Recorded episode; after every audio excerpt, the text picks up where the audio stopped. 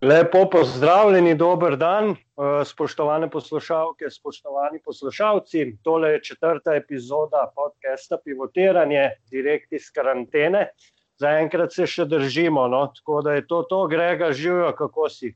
Živijo, lepo zdrav, gal, odlično, kljub temu koronavirusu situaciji, ki mi ne more priti do živega, se odlično držim. Upam, da lahko zase isto rečeš. Pa ja, jaz sem se tudi že pre, pred uh, samim tem izbruhom, pred temi prepovedmi, umaknil v karanteno, tako da sem v bistvu dvakrat videl dan v zadnjem tednu od zunaj. To, to, no, mislim, da bomo preživeli, nam pa počasi zmanjkuje materijala, s katerim zabijamo ta cajt. Kako te pretuje to? Ja, to pa se kar strinjam. Ja. Verjetno, verjetno si mislim, da tako oboževalec košarke, kot si sam, uh, nostalgičen, da tako rečem, uh, bi si upal trditi, da si že prevrtel marsikatero tekmo za nazaj. Uh, sam pa imam tudi prijetne opravke, bolj uh, z najnovejšim članom družine kot s košarko, ampak tudi tole vzamemo za kup, tako da je vredno. Ja, tako ti imaš pestro kot da ne bi bilo korona, v bistvu. Tako, je šlo kar na roke, če bi rekel. Ja, tako. Ja, tako.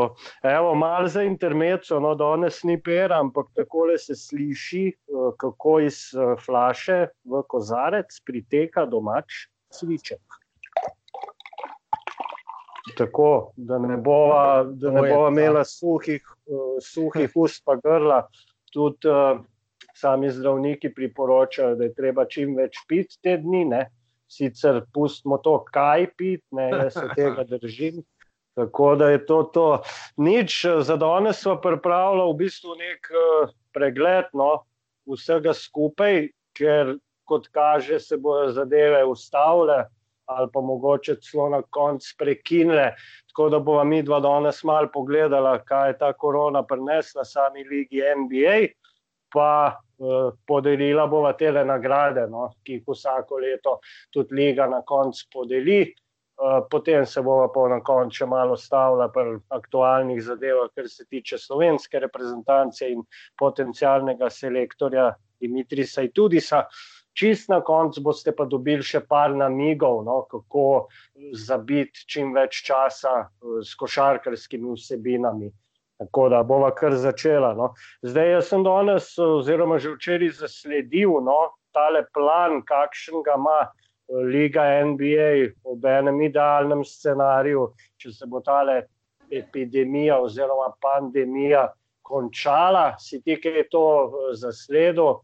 V bistvu, če meriš na to, da naj bi se vse skupaj začelo čez dobra dva meseca, Ja, v bistvu je plan tak, da je tri mesece, je zdaj tak dekret, da ni nič.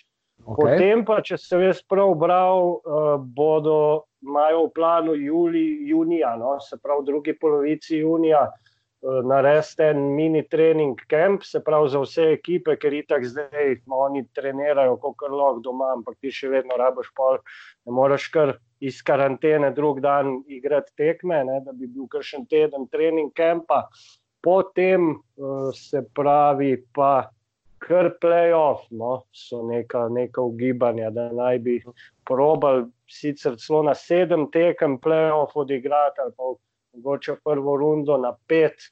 Zdaj, jaz sem zelo skeptičen, kar se tega tiče, ker prvo, prvo mesto zadeva malo zavleka sploh v Ameriki, kjer uh, vemo, kako je zdravstvo, testov niti ne delajo, nimajo niti približne ocene, koliko je okuženih in tako naprej. Tako da sem želel bi si tega scenarija, ne, ker potem bi dejansko v juliju pa avgustu imeli uh, basket, tist ta prav, ne, zagledati.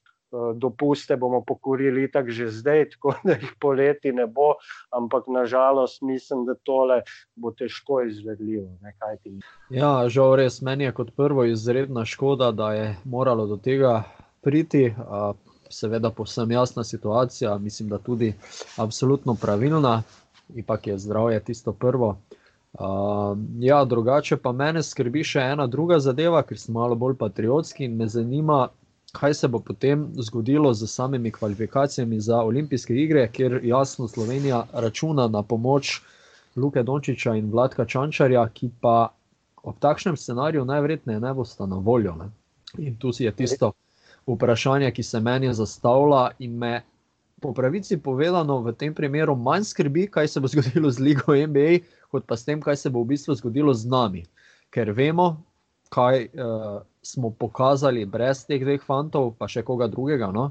uh, na zadnjih kvalifikacijah, zadnjih dveh tekmah. Um, in tudi verjamem, da se vsi zavedamo, kako velika pomoč bi bila uh, še dodatnih par fantov v naši reprezentanci. Ne? Zdaj bo pa tale v prvi vrsti koronavirus zamajal vse, posledično NBA. Ja, vse v bistvu je ne samo kvalifikacije. Vprašanje je, kaj bo tudi sami olimpijski. Drži, drži. Ja. Tako da ne vem, kako bodo tole potem. FIBO itak že poznamo po takšnih in drugačnih super salamonskih odločitvah. Ne. In težko, težko si predstavljam, kako bodo tole sploh vse skupaj uskladili, ker bo so upadali. Tako olimpijske kvalifikacije so za moje pojme, kdaj je to junija, to je za moje pojme že finito. Ne. To se takrat igralo ne bo. Poleg tega, da sploh še tako ne vemo, kaj bo z Euroligo. To, to je vse res v nekih, nekih oblakih. In, ne vem, no, ne vem. Težko je sploh karkoli napovedati, uh, bi si pa, ne vem, jaz si bi želel, da se nekako, kar se tiče NBA, odigra na nek način do konca, ampak spet na nek legitimen način, ne da se neke Final Four organizira z nekimi prvimi, trenutno, recimo, štirimi ekipami na vsaki konferenci. Kot sem slišal, tudi če se bo NBA igrala, ne, se bo igrala brez gledalcev, potem junija oziroma julija, avgusta, in naj bi celo imeli plane te tekme igrati na nekih, po domač povedan, vaških dvoranah. Ja. ja, se pravi, v nekih telovadnicah. Zanimivo bi bilo iz tega stališča, da bi res slišali, da so preštok navodila trenerjev med time-outi, ker dejansko imajo mikrofone v NBA na prenosih zelo blizu in vse sliši. Ampak, ja, nimamo ok, no. Ko kar bo, upam, da bodo neke pametne odločitve potegnili.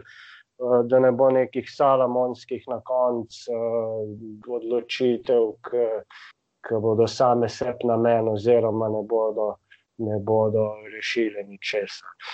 Uh, tako da, ja, noč greva mi dva kar na tele nagrade, no, glede na to, da je v bistvu kar dober še del sezone že končan, pa imamo en orenk, prav, presek, lahko narediva, podeliva uh, telih pet oziroma šest uh, nagrad kot jih tudi NBA liga vsako leto podeljuje.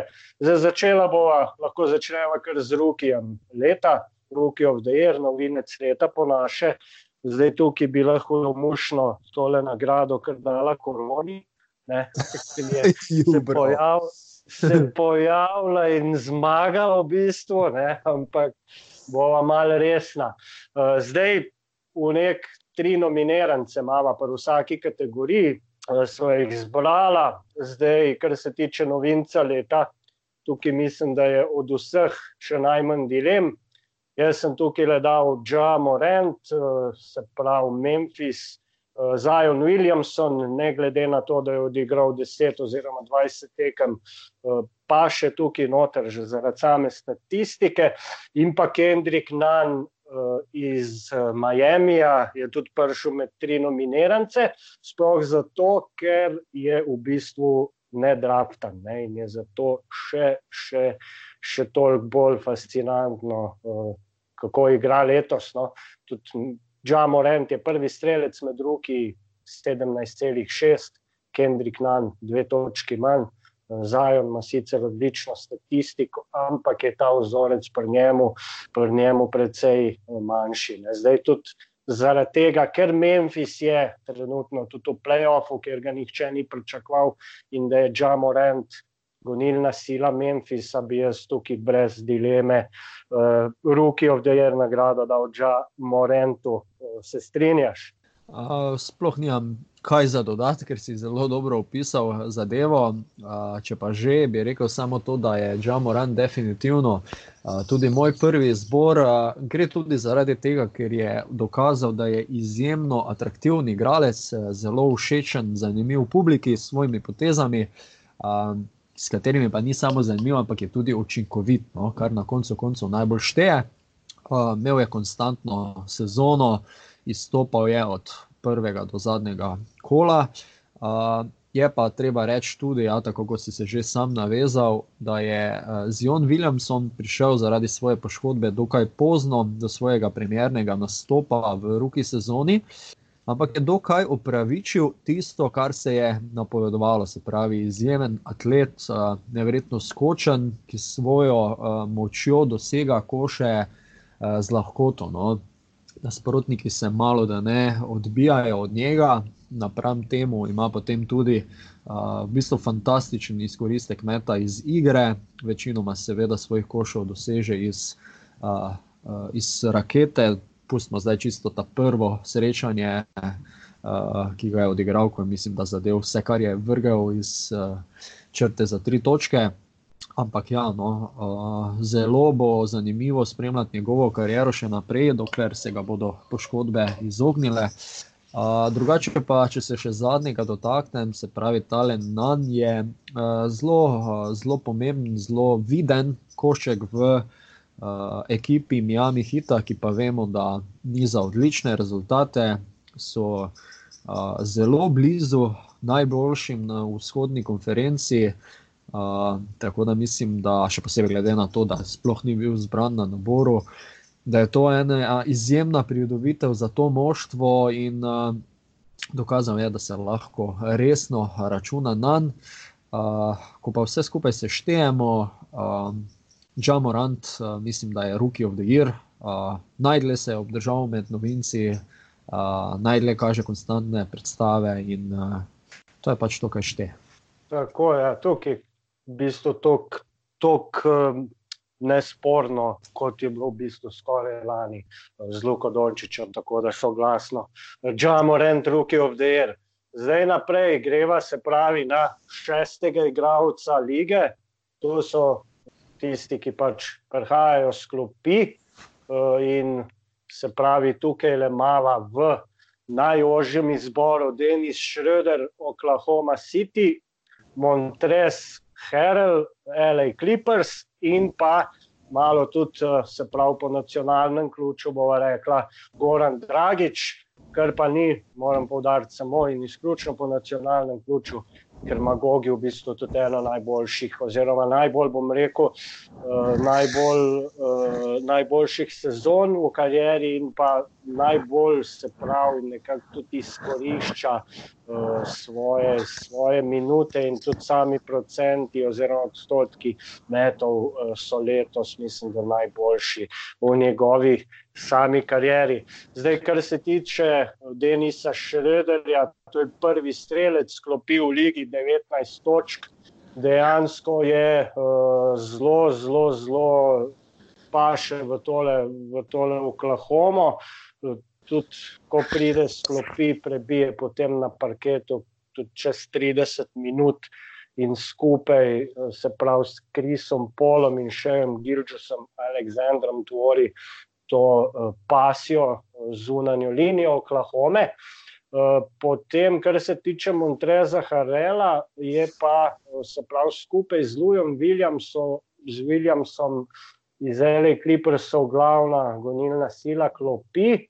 Uh, 18, skoraj 19 točk na tekmo in pa 7 skokov. Zato je tudi on v bistvu moj tukaj le prvi izbor, se pravi Montres Harel iz Clippersov. Zdaj uh, imamo tukaj, sva tudi na istem bregu ali imamo kakšne drugačne poglede. Kar se tiče prvega mesta, sva ponovno na istem bregu, definitivno, zato ker eh, spremljam eh, malo bolj LA Clippers napram temu, ker pač zasedajo uh, malo višjo pozicijo in verjamem, da bojo na koncu v bistvu ta glavni, oziroma v finalu, vsaj konferenčni finalu, če ne že kaj več. No. Uh, v bistvu mi je že malo presenečenje, da dobiva v začetni postavi pred njim uh, zubac prednost. Uh, čeprav pol sem pogledal, kakšno tekmo uh, proti Dalosu, recimo malo bolj podrobno. In ko je enkrat zubac zapre raketo, je tole uh, kar zelo velika težava za nasprotne ekipe. Tako da mi je iz tega stališča kaj hitro postalo jasno, čemu je tako. Po drugi strani je pa neverjetno nevaren koš igralec. Uh, daj mi, prosim, izgovoriti njegov primek oziroma ime, ker jaz si bom zlomil jezik. Montres Harel. Hvala lepa, meni to ne gre, bom še moral malo povabiti. Vse v bistvu je več kako. Napiše se Montrezel, H-R-R-L-L, pa ki prebere se pa sam Montres Harel. Je pa tako malo, ja.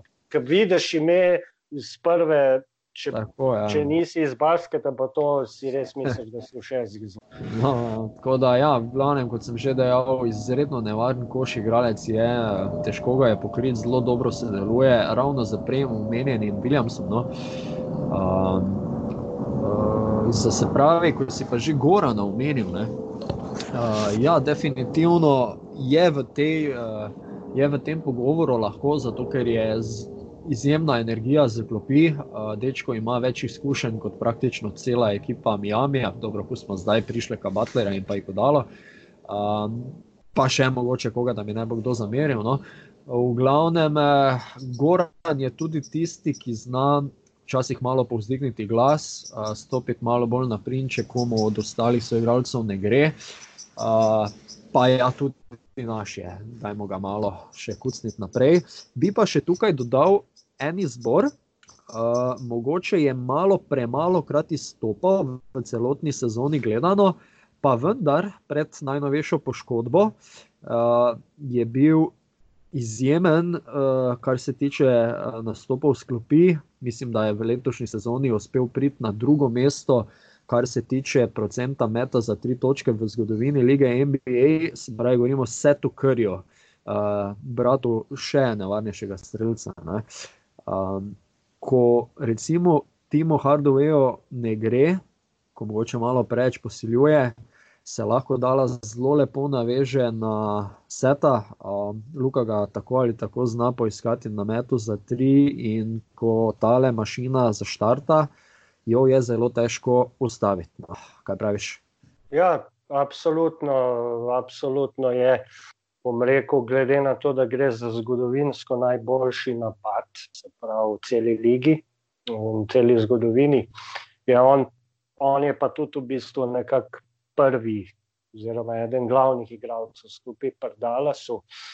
Absolutno si eno omembo tukaj zasluži. Jaz imam sicer tle tudi odprto, sprav lider je vseh treh, se pravi pike, skoki in pa podaje. Tukaj je en kup igralcev, tudi Derek Rose ima sklopi odlično sezono, Lou Williams, po katerem bi se ta nagrada nekoč skupaj z Jamalom Crawfordom tudi morala imenovati, ja. če me ja. vprašaš. Pa uh, se pravi, kot sem rekel, Derek Rose, sigurno, pa tudi ostali, no, tudi Davis Bertans je tukaj le bolj ali manj sklopi. Uh, tako da jih je kar nekaj. No. Uh, tako da, evo, noč Montres, Harel, nagrada, bravo, uh, greva dalje. Tukaj je mala zdaj uh, pred sabo najboljšega obrambnega igralca v ligi. Uh, se pravi, najni, uh, najni tri nominiranci so Janis Antetokumpo, Anthony Davis in pa mogoče bo komu mal čuden. Ampak bom razložil, zakaj je Marko Smart, se pravi, edini malce nižji igralec, tudi v zadnjih letih. Se, Tako, je, smem samo za... malo, samo malo, če te smem zmotiti. Uh, pozabil si, mislim, da glavnega akterja, Rudi Gobert je zaprl celo ligo. Ja. malo se zabavam, malo se zabavam. Ampak. Ampak, všeč so mi tvoji predlogi, ampak tudi jaz sem potegnil ampak, zaradi koronavirusa. ampak veš, zakaj ga nisem dal tukaj zraven? Točno zaradi tega. Čeprav čeprav, čeprav je dejansko paše tukaj zraven, ampak glede na to, kaj si je prvoščil s tistimi mikrofoni, ajde, zdaj, zdaj je doniral pol milijona, se pravi 100 jurjev za vsak mikrofon, ki se ga je dotaknil. Uh, sem ga jaz tukaj izuzel, no? čeprav absolutno zraven Janisa Davisa pride tudi, tudi, tudi Rudi Gober. No. Uh, zdaj je pa dobesedno njemu rata zaklend vse, ne, ker, ker je težko. Ponavadi omejiš lahko raketo, čist zaklend je pa ne moreš, ker da bi v bistvu koše stran pobral. Tako da ja, uh, neč tukaj. Tukaj imamo Janis, Davis in Smart. Jaz bom tukaj, kar se tiče, kar se tiče zaprav samega Janisa Antetokumpa, ni dileme. Milwaukee ima najboljši uh, defensive rating v ligi. To je v bistvu uh, statistična prvina, ki najbolj nekako riše kvaliteto oziroma moč obrambe, ne? se pravi ne prejem, prejete pike ampak eh, defensive rating, to pa pomeni, koliko točk na sto napadov se prav ta ekipa prejme. Ne? In tukaj je, mislim, da Milwaukee eh, tako štiri točke. Manj se pravi, ima kot, kot drugo uvrščeni, in Janis je gonilna sila te obrambe, tako da absolutno mora biti eh, zaveden zraven. Kar se tiče Antonija Davisa, je, je tudi v bistvu najboljši, no, poleg Oberja, Rim Protector v ligi, pa lahko tudi prevzema, se pravi, zunaj vse pozicije. Tako da se iz tega stališča v bistvu tudi sam ponuja. Kar se pa tiče Markoša Smarta, ki bo marsikdo čuden pogledal, Boston ima tam četrto, peto obrambo lige. In Smart je v bistvu edini igralec v, v trenutno v NBA-ju, ki lahko dejansko pokrije od enke do šterke, pa tudi kakšne petke, znov pokrit, tudi recimo Porzingi, saj proti Dala so smešil v ena na ena obrambi. Tako da jaz sem full pristaš teh bekov, ki grizejo, se pravi, ki igrajo obrambo. Moj eden pač ne zdaj najljubši, ampak eden ljubših. In tudi mislim, da edini play, ki je to nagrado dobil na zadnje, je Gary Payton, The Glove. In v bistvu Marko Smart je kar, kar lep približek tega, s tem, da Payton je, je zaklenil zunaj, se pravi na perimetru, vse beke, Smart pa lahko v glavnem tudi prevzema, prevzema vse, praktično no, vse visoke igralce. In tukaj bom glih zaradi tega, pa se pravi, ker je tudi Boston moja ekipa, eh, pa malo spremembe, da spet en bek, se pravi, dobi nagrado, bom jaz rekel, Marko Smart. Definitivno bodo pa vsi štirje, ki smo jih omenila, tudi v prvi obrambni peterki lige na koncu. Uh, Maš tukaj ti kakšno pripombo, verjetno? Uh, Mes bom samo en kratek intermezzo naredil, za malo pozornosti bi prosil. Bilo tole slišno, ker smo ravno pri pivotiranju. Uh, skratka, ja, hvala lepa, Bobo. Uh, tako je, tale nagrada za najboljšega obrambnega igralca je meni v teh vseh kategorijah mogoče najmanj hvaležna za podelitev. Um, gre za tri kandidate, ki si jih ti izbral, ki si brez kakršnega koli dvoma zaslužijo vsaj omembo. Um, v tej kategoriji. Pa ja, tudi kdorkoli od teh treh bi si tudi ta glavno nagrado zaslužil. Uh, Milwaukee kot najboljša, oziroma ena izmed najboljših defensivnih uh, ekip in pa Loke, uh, Greek Frika, definitivno pridejo tu zraven, Davis pri Lakersih uh, zapira uh, raketo in še malo okoli. Uh, smart, uh, močan, branilec, zelo močan. Uh, Luka Dončić je imel že v svoji karieri vrsto problemov z njim. In ko sem ravno omenil Luko, zelo spremljam obrambo nad Luko. Vemo, visoki igralci, ki smo jih prej omenili, imajo to prednost, da so visoki in jim je mogoče iz tega stališča nekoliko lažje. Obramba se igra predvsem z voljo, vedno so nas tako učili in mislim, da se je tudi zmeraj tako izkazalo, da je vendarle nekaj resnice v tem. Jaz bi tukaj izpostavil še enega branilca, ki ga ti sicer nisi omenil, in sicer gre za vaš, vašega, vašega, ja, tvojega, kakorkoli bivšega igralca, vašega sem rekel, ker sem se navezal na Boston Celtics in sicer Everija Bradleya. uh, iz uh, Clippersov. Uh, gre za. Iz Lakersov. Pardon, iz Lakersov, hvala, iz Lakersov, drži. Uh, gre za to, ker um, v letošnji sezoni mislim, da je edino on skoraj v popolnosti zaustavil Luko v tistem trenutku, ko ga je kriv. Uh, in to je meni ogromen pokazatelj, kako dober uh, branilec je. Uh, Bradley, mogoče katere druge igralce, ki so višji, močnejši od njega, ne more toliko pokriti ravno uh, zaradi deficita moči. Uh, pa ja, tudi Luka je ogromen. Uh, uh, dost kil ima, kakorkoli, ampak se ne premika tako hitro kot ostali. Mogoče je ravno on edini, ki je padel v ta njegov ritem in ga pri tem malo omejil. Uh, zato sem se nam spomnil. Uh, ker sem pa rekel, da je obramba stvar predvsem volje.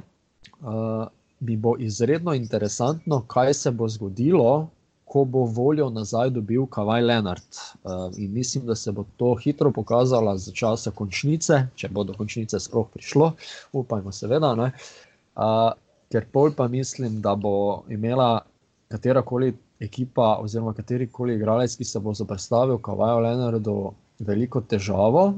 Pa tudi, če je to Lebron James, kakorkoli, kar se bo slejko prej zgodilo. Uh, tako da, ja, to je pa moj izbor petih igralcev, pridružujem se vsem tvojim trem predlogom, plus dal bi še tale dva zraven in pa še enega, ki tudi ponavljam, če se igra končnica za res košarka, ki je sedaj v tem trenutku žal poškodovan, Kevin Durant, ki se odloči in lahko v finalu zaustavi oziroma zasenči tudi Lebrona Jamesa. Ja, absolutno. Avery Bradley je že od od svoje roki sezone znan kot eden najboljših uh, obrambnih igralcev na perimetru, na igralcu z žogo. Se pravi, kar se tiče prenosa, pa kar se tiče uh, samega pokrivanja ena na ena. Zdaj v pick and roll igri se zna zgubiti, ni, ni uh, se pravi tako močan, če se recimo povsta igralec njegov kot recimo Luka. V tem primeru težko pride do izraza, kar se pa tiče obrambe na bolj handlerju, na perimetru, pa zagotovo eden, eden najboljših, se pravi, v ligi. In uh, Kawaja Leonarda, pa ja, absolutno bi ga moral omeniti, pa ga nisem ravno z tega stališča, ker ne igra vseh tekem. Se strinjam. Tudi, ja, in tudi na tistih tekmah, ko igra, se nekako še špara, ne tako, pokriva tistih. Tako. Ja, ne pokriva najboljših skorerjev, oziroma če jih že krije, ne vem, na deset napadov, pa mogoče dveh se res uh, angažira, pa osmih. Je pa to uh, na prvem bloku, se pravi, ostane zadaj. Bo pa absolutno če, če gledamo playoff, je on numero uno, brez, brez kakršne koli dileme, ni pa do zdaj eh, tega pokazal z takšnih in drugačnih, se pravi, uh, zadev. Zdaj, tukaj je lepostiva odprto, moje smart, kogarkoli drugega bi izbrala od naštetih, bi tudi ne bi v tem obrcala. Tako da, evo, sva naprej, uh, most improved player, se pravi, igralec, ki je najbolj napredoval. Tukaj ima vas spet, kar pisano družščino. Jaz sem zbral tukaj tri. Se pravi, prvi je Bema Debajo, Miami, drugi Devonte Graham, uh, se pravi, on igra za Charlotte, tretji pa spet, ampak tokrat ne toliko zaradi zelenega srca uh, je pa Jason Tatum, se pravi v tem, v tem ožjem izboru. Uh, kar se tiče, bom šel kar po vrsti. No. Prvo bomo omenili Grema, ki je v bistvu mogoče najmanj neznan vsem, uh, ki bodo tole poslušali, ampak dejansko je, je mojster, se pravi organizator igre, ena, dva, Šarlota, skočil iz uh, slabih petih točk v lanski sezoni na dobrih 18. V tej sezoni Uh, tako da mislim, tudi trojke, nekaj časa je bil vodilni, mislim, da tudi po številu zadetih trojk, zdaj je malo padel, pa še zmeraj 38% šut za dve. Dejansko je tukaj največji premik, če gledamo samo cifre, po moje, da je Wonte Graham, sicer je Charlotte Kanta ekipa, se ne bori za nič in zato tudi lahko on se pravi malo več uh, se igra. Uh, drugi, Bema Debajo, tudi ogromen eh, preskok, v bistvu je, kot bi rekli naši balkanski brati, podebljal vse statistike, se pravi, devet točk lani, letos šestnajst, iz sedmih skokov je šel na, na deset. Eh, in pa iz dveh podaj na pet asistence, prav na tekmo, kar je za, za visokega igralca absolutno hvale vredno. Eh, ta tretji, Jason Tatum, je pa tukaj pri meni ne toliko iz stališča dviga uh, samih cifr, ne, absolutno rak rana ekipe, Kajri Irving je šel in je dobil malo več svobode, zdaj v zadnjem obdobju je tudi na MVP, na MVP nivoju odigral cel februar uh, in dejansko sem ga tukaj dal zaradi tega, ker je v klač situacijah pa od vseh on pokazal, recimo, recimo največ. Eh, od tega, ko lani ni praktično dubo nobenega šuta, zraven Irvinga v zaključku tekem. Tudi če ga je, je, je, je potem primadona besnela gor in dol. Eh, z letos je pa dejansko v tem pogledu prvi igralec in je tudi par tekem sam odločil, tudi ena na ena s Kavajem Leonardom, eno tekmo pa eh, med za zmago v, v New Yorku proti Nixom, tako da je tudi on tukaj v, v izboru. Zdaj, jaz se tukaj med temi tremi absolutno ne morem odločiti, nimam, nimam enega, ki bi rekel, da, da lahko mu podelim tole nagrado. Tako da uh, en pokal vsem trem, pa naj ga ima vem, tri mesece naj ga ima eden v vitrini, potem pa še tri. Kaj pa ti misliš? Jaz imam samo enega kandidata, uh, bom pa zdaj vmes razvrstil med tvojimi kandidati. Uh, prvo mesto v, med tvojimi kandidati bi dal Bemu Adebajoju. Uh, že zaradi tega, ker ima zelo zanimivo zgodbo, mislim, da je bil letos uh, tale ameriški kamp je potekal, kjer mislim, da je Greg Popovič dejal, da uh, Bame, da bo še ni na nivoju reprezentance in da še bo moral malo potrenirati. Mislim, da mu je to letos glavna motivacija in je tudi uh, na račun tega skokovito uh, vrgel številke gor, da se tako izrazim. No.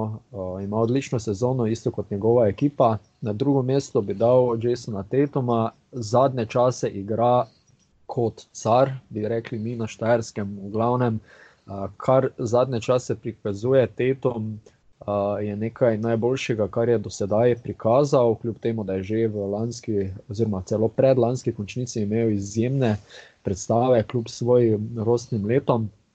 Zadnjih deset kol, če se ne motim, je pa dosegal venomer na 30 točk, če se ne motim z izjemnim procentom meta.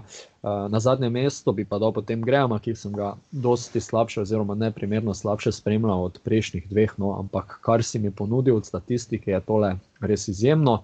No, koga nisi omenil, pa sem malo presenečen, je pa uh, Luka Dončić. Uh, gre pa za to, uh, ker je dvignil povprečje točk iz 20 na 28,9, nekaj takšnega, kar je preskok velik v številki, ampak gre za preskok na že visoki številki. Uh, dvignil je še skoke, dvignil je še asistence in zraven vsega drži celotno moštvo, celo sezono na zelo lepi poziciji, in sem prepričan, da bi bil dve do tri mesti više Dallas, če bi bil on čez celotno sezono zdrav. Uh, tako da bom jaz dal uh, kljub temu, da ga bom dal tudi na tretje mesto med MVP kandidati, zdaj za glavnega kandidata za mostni provat player. Ja, jaz sem v bistvu kamot, jaz ga pač nisem dal. Zaradi tega tukaj je to trojko, da ne bi kdo rekel, da je don, Dončić povsod. Ampak, kar se tiče dviga cifr, ki si omenil, ne vem, za moje pojme, je precej lažje iz nekih osmih, devetih točk povprečje dvigati na 16, kot iz 20 na 29. Ne. Tukaj je razlika med all-star igravcem oziroma zvezdnikom pa superstarjem. In ta prehod je v bistvu od tistega, da se sploh afirmiraš v ligi, najtežji. Se pravi, all-star igravcev imaš v ligi 30-40, ampak superstarjev imaš pa 5, 6, 7, 8. In, in, in ta preskok, ki ga je Luka letos naredil v kombinaciji z skorom ekipe, ne, ga absolutno tudi tukaj daje zraven. Samo lahko rečemo, da, da, tudi, da bi tudi on lahko par mesecev v letu eh, to kanto držal, se pravi doma. Tako da to je to. Evo, super zanimivo, da se nekje čist nisva strinjala. Zdaj imamo uh, še, še eno kategorijo, greva naprej. Tukaj imamo zdaj trenerja leta. Tukaj je tudi vedno dosti, se pravi, kandidatov, ampak vedno se nekako gleda eh, na tiste trenerje, katerih ekipa ima najboljši skor. Tako da, absolutno, Mike Baden-Holzer tukaj pride prvi na, na, na misel, meni pač ekipa z najboljšim skorom tudi uh, fura nek sistem, je, je izpostavil, izpostavil no, v Milwaukeeju, ki je za sam redni del lige. Eden najboljših, no, se pravi, to je najboljši recept za zmagovanje tekem v rednem delu. Janis in pa štirje šuteri, s tem, da je še dejansko tega le Bruka Lopeza nateral, da malo Brambe igra letos in dejansko ta zadeva funkcionira optimalno, ko bo playoff, bo to druga pesem. Ampak glede na to, da se nagrade podeljujejo za redni del, je Baden-Holzer tukaj med prvimi. Uh, drugi, Frank Vogel, to je zaradi uh, sicer ni, ne slovi kot nek, nek trener, ki bi, ki bi drugega kot obrambo, se pravi, znov na nek mega nivo spraviti, ampak sam skoraj, ker so me zelo presenetili. Jaz nisem pričakoval, da bodo tako dominantni in uh, moram priznati, da mu je ratal. Zmešati se pravi to ekipo z vseh vetrov, poleg se pravi Davis, James in pa še sedem drugih prišlekov, vloge so bolj tako, tako ne, ampak zadeva funkcionira. Ne, in tudi ni nič, nič ni videti, da bi se kregali karkoli, tako da mu je zgleda ratal poštimati uh, samo slačilencu in da zadeva funkcionira. Tretji se pa tudi ponuja v bistvu sam po sebi in to je tudi moj uh, zmagovalec, nedvomni Nik Nars iz Toronta, ki mu je kljub odhodu Kawaja Leonarda uspel v bistvu ostati čist na samem vrhu uh, vzhodne konference in dejansko pri njemu pa vsak igralec, ki dobi šanso, eksplodira. Vsak, ki pride, ki ga nekje iz naftalina potegne, on, on svoje naredi in, in, in za me je. je On iz tega stališča nedvomni zmagovalec, se pravi, za, za nagrado Coach of the Year. Uh, tukaj imamo kakšna razhajanja, se po moje kar strinjamo. Uh, ja, se strinjava.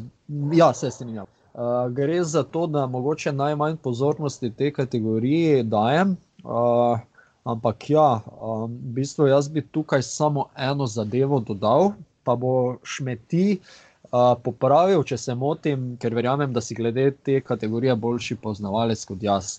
Um, dajmo prvo na začetku. No. Se pravi, kategorija Coach of the Year, uh, Nick Nurs je verjetno tudi moja prva izbira, točno zaradi tega, kaj si ti omenjal, ker uh, lahko zgubi ekipa najboljšega igralca in potem zablestijo drugi, ko dobijo pravo priložnost. Eden izmed teh je tudi Pascal Sijakam, ki je. Letos dokazal, da se lahko ekipa na njegovih ramenih povsem enako vredno kosa z komer koli ostalim. No. Ker je pač dobil zaupanje trenerja. Uh, Frank Vogel na drugi strani drži izjemen skor, uh, z Lakersi, povsem, povsem zasluženo na prvem uh, mestu, medtem ko Milwaukee, mogoče v malo slabši uh, konferenci, oziroma precej slabši konferenci, no, ampak drži suvereno no, uh, prvo mesto in uh, pač tudi trenerju, definitivno moramo dati nekaj zaslug za to. Uh, Zdaj, kaj sem pa na začetku omenjal, v tej kategoriji seveda ne more biti najboljši trener leta, ker pač ni glavni trener. Pa me takoj popravi, če se motim. Jason Kitt je določil, da bo letos Lebron James igral playmakerja pri Lakersih. Je to res ali ni? Uh, to mislim, To je bila v bistvu neka skupna odločitev. Okay. Zdaj, verjetno, verjetno je tudi on imel kaj pri tem, da je rekel, da to dejansko absolutno mora tako biti. Okay. Čeprav mislim, da glede na sam, kar si videl, ne, kako se ekipa sestavlja, ne, se ja. pravi, imaš Lebrona, in pripeljal si Antonija Davisa. Ne? Za ta dva igralca, kako jih boš najbolj izkoristil v napadu, je pick and roll Lebron Davis in avtomatsko se pravi, je Lebron ball handler in playmaker. In ja. tudi bi bilo po, po, po pravici povedano neumno. Da s to ekipo Lebron, Lebron ni, ni playmaker, ne? ker Sim po večini, tudi v preteklosti, on vedno bolj ali manj bil play, razen, razen ko je imel Kajrija Irvinga, ker recimo razni Mari Čalmersi v Miami. So sam žogo prenesli, ali pa še to ne, pa šli stati na trojko. Tako da, ja, Kit je pa tudi nekaj imel pri tem zraven, tudi tukaj je za omeniti, ja, da ima res, uh, Lakers imajo kar zanimiv tale trenerski štab in, in je kit absolutno dal še na potek Lebronu, direktno. Zato sem se pa ravno na Kida navezal, ker sem nekje slišal govorice, da je bil e, on eden izmed pobudnikov tega, da se da uh, Lebrona striktno na enko. Pa tisti, ki me malo bolje poznajo, pa tudi tisti, ki tebe malo bolje poznajo, gal vejo, da nisva največja oboževalca Lebrona Jamesa, čeprav verjamem, da mu oba dva priznava, da je izjemni igralec, verjetno top 5 vseh časov, če še nekakšno mesto več. Želel sem samo povedati, da to, kar kaže letos pri teh letih Lebron James in kako igra, zaposluje svoje igralce, je pač nekaj, kar so pri njegovih letih lahko uh, maksimalno izkoristili in uh, na kateri koli drugi poziciji, ki je preigral, uh, mislim, da ne bi dal takšnega učinka. Spet so to moja predvidevanja, ugibanja, ampak stole. Njegovo enko, se pravi, s playmakerom uh, od samega začetka so kit ali kdorkoli popolnoma zadeljeno. Uh, tako da ta zadeva mi nekako vleče kot bolj kot potezo leta, ne kot trenerja leta, no, da ne bomo karkoli vzeli, uh, Niko Nursu kot najne prvi opcije. Ja, ja, absolutno. Sej tudi po eni strani bi bil, bi bil trener oziroma trenerski štab, bi mu morali nekaj zelo manjkati v glavi, bom rekel, da, da ne bi dal pač lebrono žogo in žoge in, in da on kreira vse. To, to. Uh, nič, zdaj za konec nam je ostal pa še jagodni izbor, ne, se pravi Krona, MVP. Tudi tukaj je koronavirus med kandidati, ampak eh, ga bo vas spustila. Uh, zdaj, Jani sem te to kumpo, Lebron James in pa Luka Dončić. Uh, za moje pojme je tukaj tudi najmanj skoraj dileme pri vseh, pri vseh nagradah. Ker to, kar letos v rednem delu počne Janis, je, je za ne vem, no, Space Jam varianta, pa še, pa še tam, še tam ne vem, če so bili tako superiorni. Najbolj mi pade v oči to, da fanti igra manj kot 31 minut na tekmo no, in, da, in da v teh, se pravi, dobrih 30 minutah uh, dosega praktično 30 pik, 14 skokov, pa, pa šest podaj. Spominja me na tisto sezono Stefa Karija, no, 2016, mislim, da ko je, ko je dejansko cele zadnje četrtine sploh ni igral in isto je tukaj, številke pa ostajajo tako brutalne, da brez veze. Kar se tiče Lebrona, absolutno prvi asistent lige, sicer se ne bom strinjal, da pa kaže za svoje leta res superiornost, predvsem v smislu tega, da je to njegova 17. sezona. Uh, ampak ne vem, no, jaz pri njemu vidim un decline, se pravi, da, da telefizične predispozicije, ki so verjetno najboljše v športu pri njemu, uh, padajo. Jaz vidim nek padec tukaj in, in glih zato, ker igra pleja, se da mogoče mal, mal skrit se pravi, ta mal padec fizike pri njemu, ker na pleju ti ne rabiš biti zdaj top atlet, pa, pa najvišji, pa najmočnejši, da, da dominiraš. Uh, absolutno si zasluži tukaj drugo mesto za moje pojme in pa se pravi uh, Luka Dončić, uh, tretji, tukaj bom pa kar te po bistvu prepustil razlago, zakaj on. Uh, pa lahko še poveš, če se strinjaš z Janisom, kot nespornim MVP-jem. Ja, v bistvu vse si sam povedal, vse. Džanis Antetokounmpo letos kaže uh, samo nadgradnjo uh, njegove lanskoletne predstave. Uh, in ja, nadgradnjo lahko rečemo z lahkoto, tako kot se fant pripravlja pred tekmo, pred vsako tekmo. To zgleda kot uh, najhujši trening, pa v bistvu še do tekme sploh ni prišlo. In ja, potem v vsega 30 minutah pokaže ves repertoar, v bistvu strašansko zgleda, ko se on odloči, da bo šel proti košu. No. Bolj se bojim za obroč kot za nasprotnike. V glavnem, jaz sem prepričan, kar je še najbolj strašljivo. Sem prepričan, da še Janis sploh ni pokazal vsega, kar zna, ker če bo slučajno on posvetil eno poletje tehniki meta, uh, in potem samemu izkoristku le te tehnike, ki bo potem viden v procentualnih meta iz igre, mislim, za razdalje govorim. No, pol bomo še le videli, če se je Janis dejansko sposoben. Čisto možno je, da se to tekom kakšnega poletja celo zgodi in potem prenese v naslednjo sezono. Uh, ja, in pol bomo govorili še o boljšem Janisu. Kakorkoli, na drugem mestu tudi jaz postavljam Lebrona Jamesa.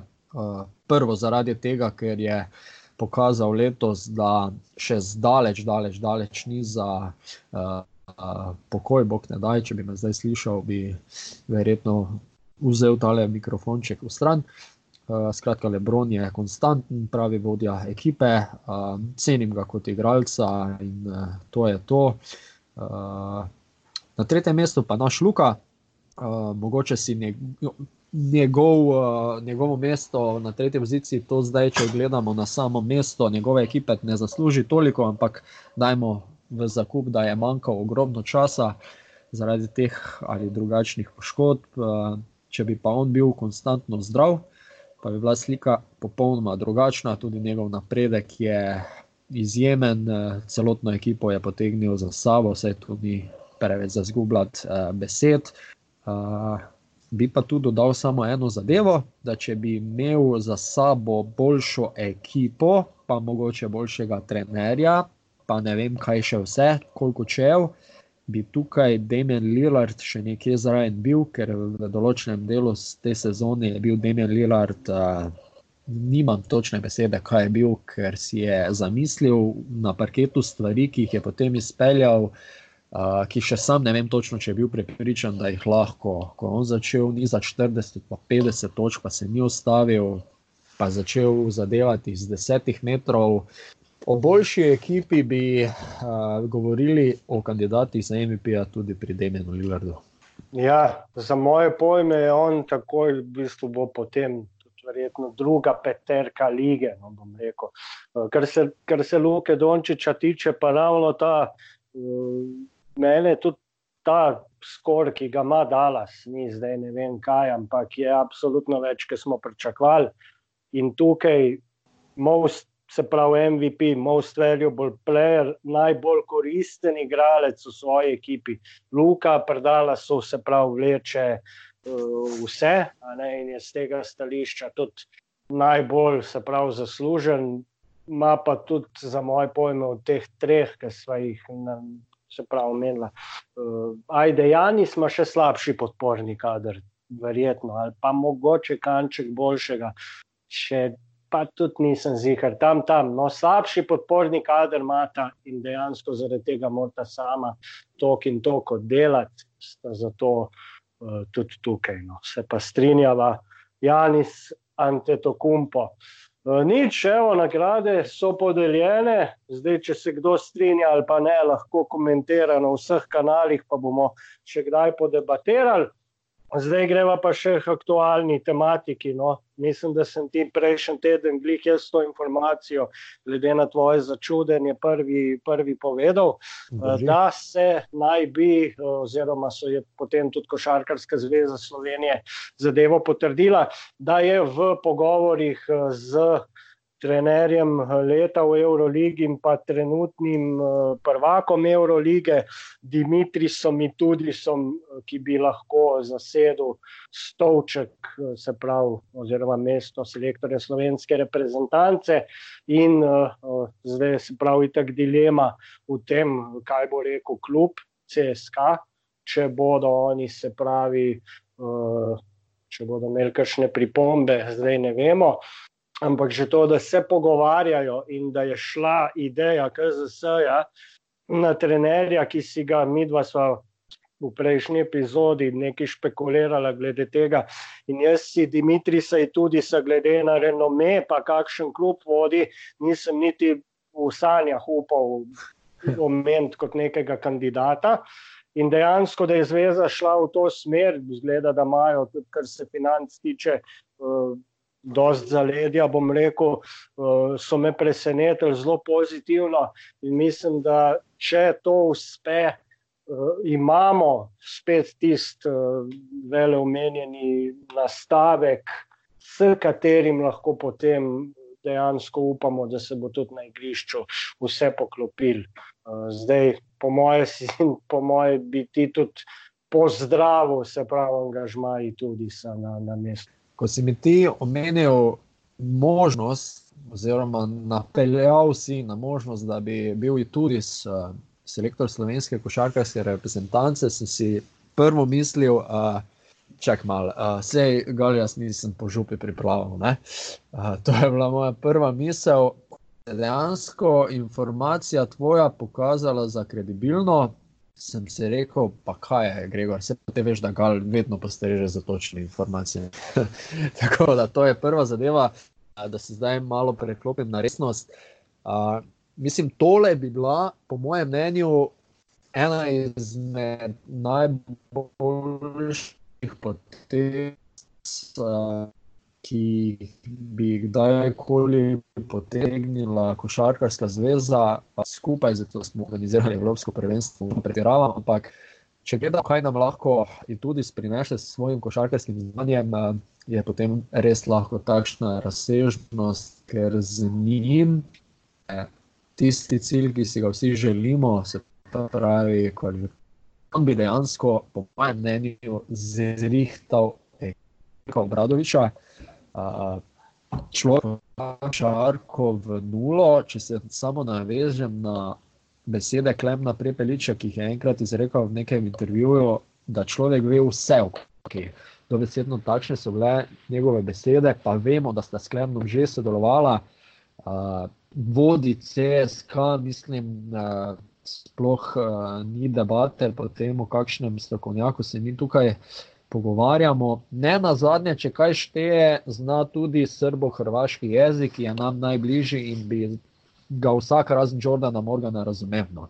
Uh, tako da zelo me je pozitivno presenetila ta novica in sem takoj začel razmišljati, kakšen potencial ima potem reprezentanca z takšnim strokovnjakom na klopi. Je pa res, da more tudi CSK dati žegn na to, in tudi koliko sem zasledil v nekih njegovih izjavah, mu je tale uh, ponudba zanimiva. Sicer pa komu ne bi bilo zanimivo, če bi operiral potem z Luko Dončičem in tako naprej. Uh, mislim, da je to prava motivacija skupaj z samimi olimpijskimi igrami. Uh, tako da, dajmo se presenetiti, upajmo, da dosežejo odgovorni tale dogovor. Pa bomo pol videli, kaj bo NBA zaštrikala s svojim koledarjem, pa bomo videli, no, da ne bom preveč dolgo vezil in tudi vsekakor uh, globoko, globoko pozdravljen na, na naši klopi, če do tega pride. Ja, vse se spomnim, ker sem ti jaz napisal in tudi selektor, pa mislim, da sem dal vprašaj zraven, si ti napisal selektor koga. Pa sem pa jaz dodal. Pa sem pa jaz dodal Slovenije. Ja. In tudi um, jaz sem imel to čas, no bom rekel, to je bilo, mislim, da kakšnih eh, sedem let nazaj ali pa šest.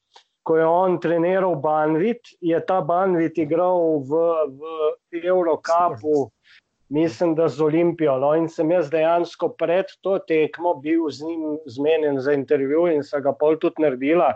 In sem bil po tem intervjuju, sem bil pogovarjala sva se 15-20 minut, mogoče slabe pol ure, sem bil jaz, kot da sem požrl eno košarkarsko knjigo. Dejansko ima gospod v malem prstu uh, kompleten, kompleten uh, se pravi, basket, tudi uh, nekaj novejših prijemov se poslužuje, uh, ker vemo, da se je pač učil in tudi mislim, da sta ja, kum, uh, kuma sta z Željkom Obradovičem. Obradovič je tista. Ja, tista stara železna srca, in tudi se je pa malo mlajši, tako da je od njega potegnil mogoče tisto balkansko, tisto trdo roko, zraven pa tudi svoje metode, eh, in to v bistvu zelo dobro dober usklajuje. In, in tudi glede na to, da, da čiste koče govori srpsko,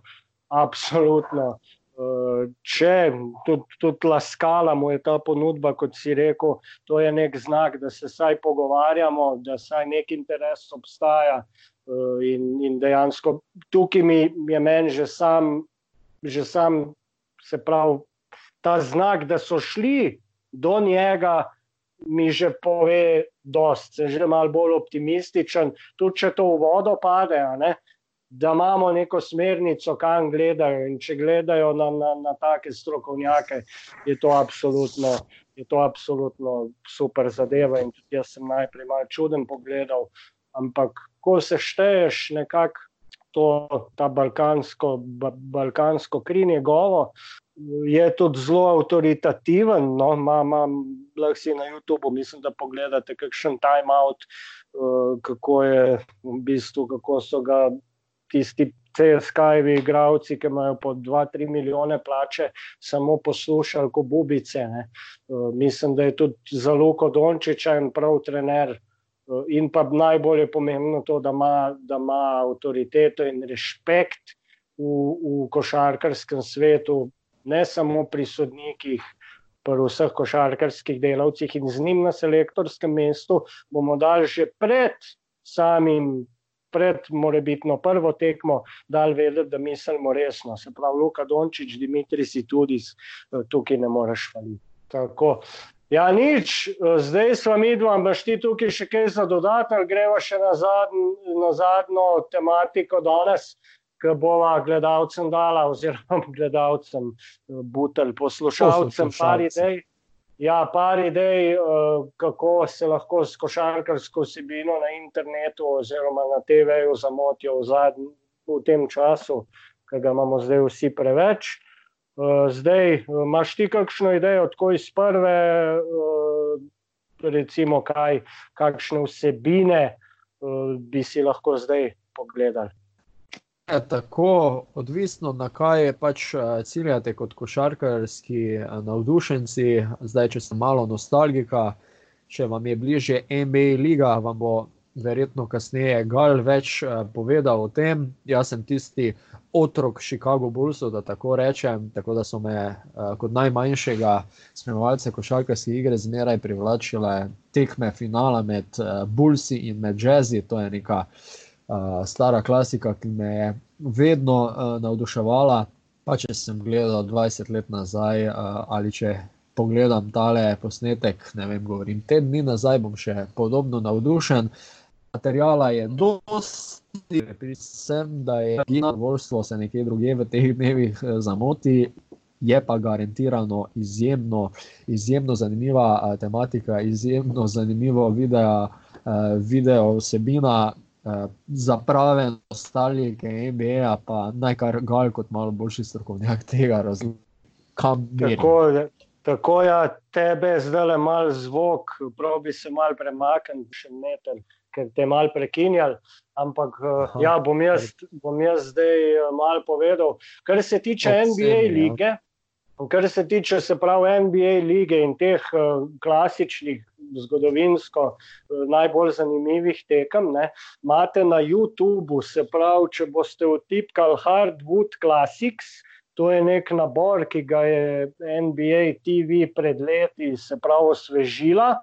Eh, tukaj imate 30-40 najbolj, se pravi, teh res zgodovinskih eh, tekem od 60-ih let naprej, in večina jih je tudi, se pravi, na, na tem YouTube kanalu, ki boste najdel eh, dostopnih, tudi porihtali so kvaliteto na večini teh videov, se pravi, cele tekme in v, nekem, v neki zelo spodobni kvaliteti same slike se da zadevo pogledati. Tako sem jaz v bistvu včeraj že stotič pogledal eh, tekmo play-offa iz leta 86, tisto, ko je, ko je božanstvo Michael Jordan v Bostonu dal 63 točk, to je že zmeri eh, rekord play-offa.